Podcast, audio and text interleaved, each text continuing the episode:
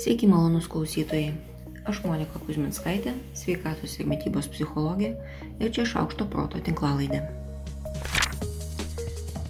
Susan Forward ir Craig Buck. Knyga pavadinimu Toksiški tėvai - kaip atsikratyti skaudžios patirties ir susigražinti gyvenimą. Tai tikrai viena iš klasikinių knygų mano didžiam apgailestavimui, bet ir tvirtų įsitikinimų.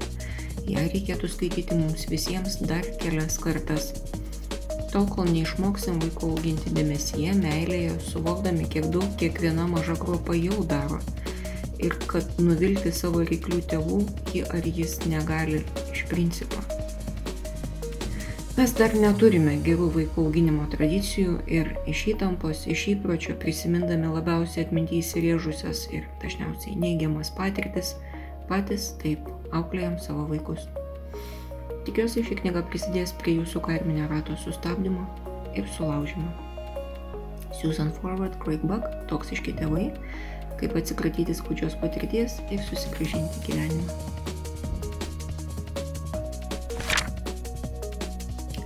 Tik užkasti. Valgymas prasideda ir baigėsi galvoje. Dar gerokai iki pirmo kasnio atsiradimo burnoje galva jau būna nusiuntusi visą pluoštą signalų į skrandį. Lygiuot, ramiai, maistui pasiruošt. Fermentai ir hormonai skiriasi kaip pasiutę, skrandžio sultis neatsilieka.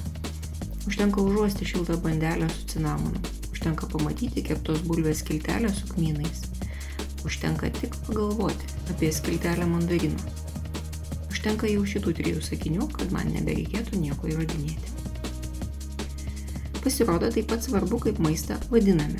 Jei maistas vadinamas sveiku, dietiniu, turinčiu ypatingai vertingų priedų, jis tokiu ir laikomas. Ypač jei tai sako žinomas žmogus arba žmogus, kurį labai teigiamai vertinat. Tokiu atveju kritinis mąstymas ir klausimas tikrai atidedami neribotam laikui ir dažniausiai iki niekada.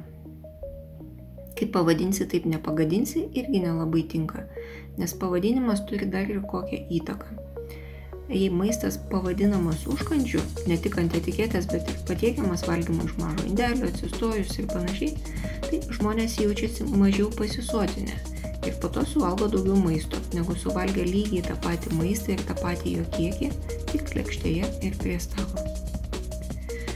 Vadinasi, jeigu marširuojate tarp šaldytuvo ir sofos visko nors pasiimti, o neatsisėdate prie stalo ir pavalgote normaliai, tai jūsų galva užsirašo, čia tik užkandis ir nedidina sotumo jausmo, todėl ir jaučiatės nepavalgę.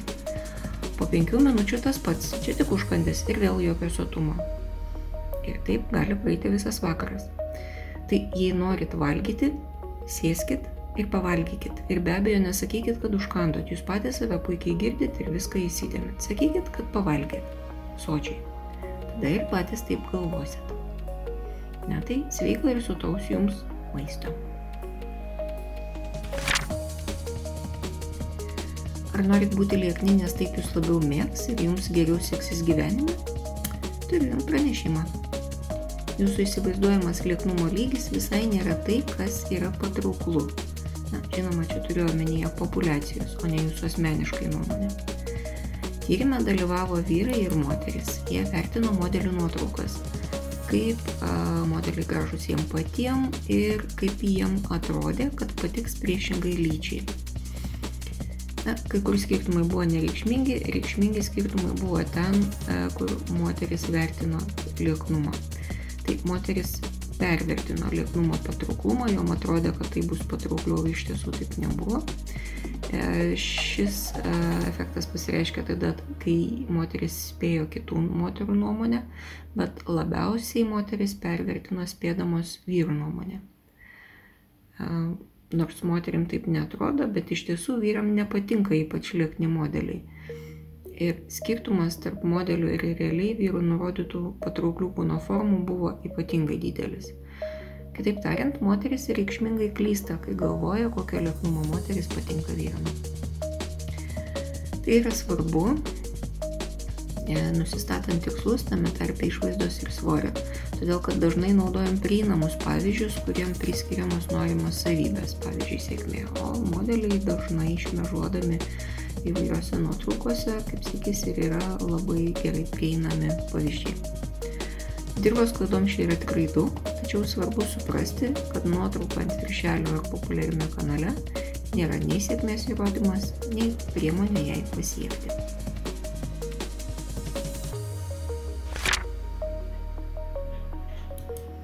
Jautrumas atstumimo iš kitų žmonių yra atskiras reiškinys.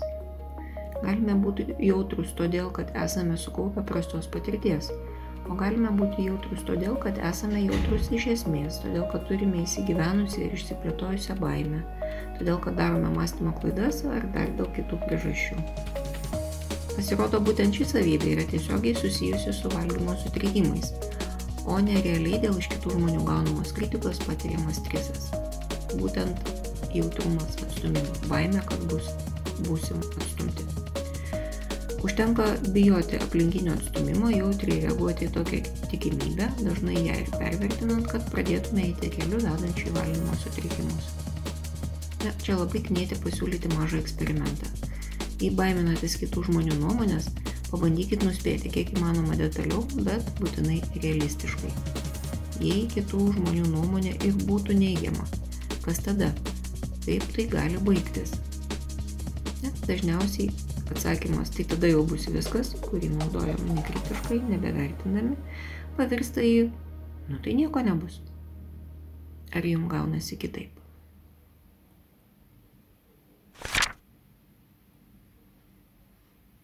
Šiame tyrimė buvo siekiama suprasti, kokiamis savybėmis pasižymi žmonės, kurie tyčiojasi iš garsenybė internete.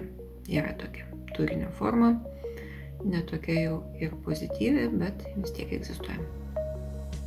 Konkrečiai buvo tyriami um, angliškai vadinami body shaming ir slut shaming reiškiniai.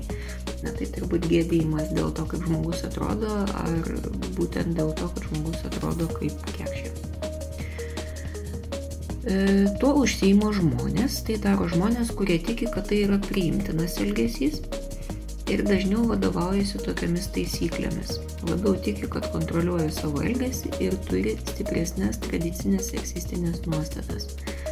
Tai tas kriterijus apie elgesio kontrolę byloja tai, jog žmonės tai daro sąmoningai. Tai nėra netyčinis, spontaniškas ar dar kažkoks elgesys, tai yra e, apgalvotas, tirtas nuomonės reiškimas, tikint, kad tai bus geriau. Na, o tradicinės seksistinės nuostatos, matyt, čia atmiša visą su to susijusių žodyną. Nesimsiu vertinti, kas čia gerai ar ne, bet noriu priminti, kad patyčios niekada nėra gera mintis ar efektyvus poveikio būdas. Besityčiančiam tai sukuria stiprumo iliuziją ir toliau palaiko vidinio nepasitikėjimo savim priežastis.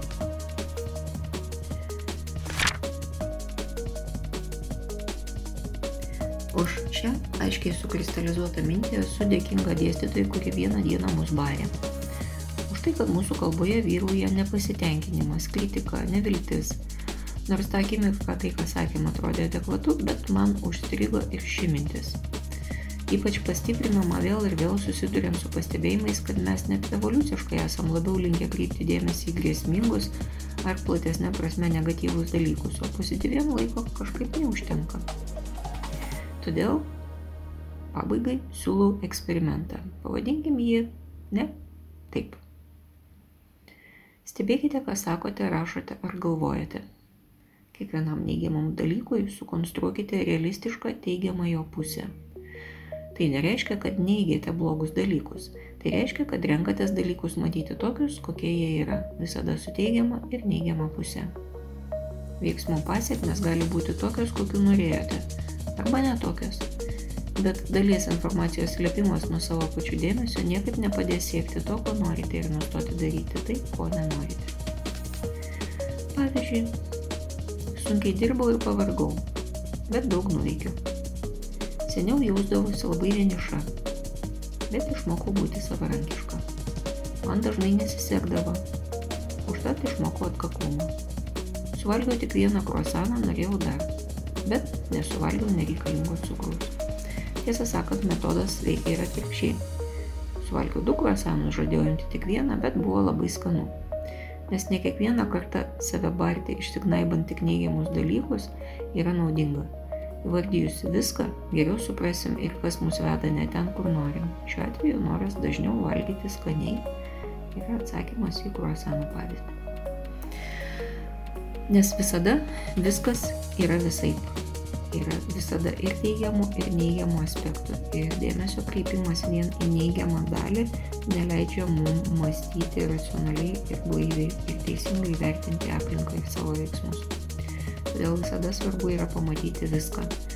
Ir svarbiausias darbas visame šiame yra išsirinkti savo kelią tame visokybės sraute. Na, o kad subalansuoti eksperimentą ir nenukrypti į lygiai taip pat nenaudingo absoliutaus pozityvumo liūną, siūlau pažiūrėti filmą pavadinimu Yes Man. Jei turite Netflix paskyrą, tai ten šį filmą ir rasite. Tai irgi eksperimentas, Eksperimentas yra viena iš dažnai naudojamų technikų kognityvinė elgesio terapijoje. Eksperimentas yra skirtas patikrinti įsitikinimo teisingumui. Įsitikinimai yra saliginai tvirti, bet nebūtinai teisingi sprendimai, kuriuos naudojam nekritiškai, nebetikrindami kiekvieną kartą jų teisingumo. Klaidingi įsitikinimai gali metų metais mus vesti neteisingų kelių, taip ir nesuprantant, kas su manim, ar su kitais, ar su pasauliu yra negerai o eksperimentas leidžia atpažinti klaidas įsitikinime ir stovint akistatoje su nauja informacija, jį pataisyti ir perkonstruoti iš naujo. Jei imatės eksperimentų ar bandote tai, ką aš siūlau, būsiu labai dėkinga, jeigu pasidalinsit savo atsiliepimais ir komentarais. Taip visi kartu vieni kitiem ir padėsim. Šiai savaitėjai tiek. Aš Monika Kuzminskaitė, sveikatos ir mytybos psichologė, padedu spręsti kasdienius ir sudėtingus elgesio, mąstymo ir emocijų klausimus. Rašau, skaitau paskaitas, teikiu psichologinės konsultacijas. Mane rasit socialiniuose tinkluose vardu Šaukštas Proto arba gyvai Vilniuje Goštauto gatvėje. Rašykit man asmeninę žinutę socialiniuose tinkluose arba elektroniniu paštu adresu šaukštas.proto atgmail.com. Puikios jums savaitės, taikos ir ramybės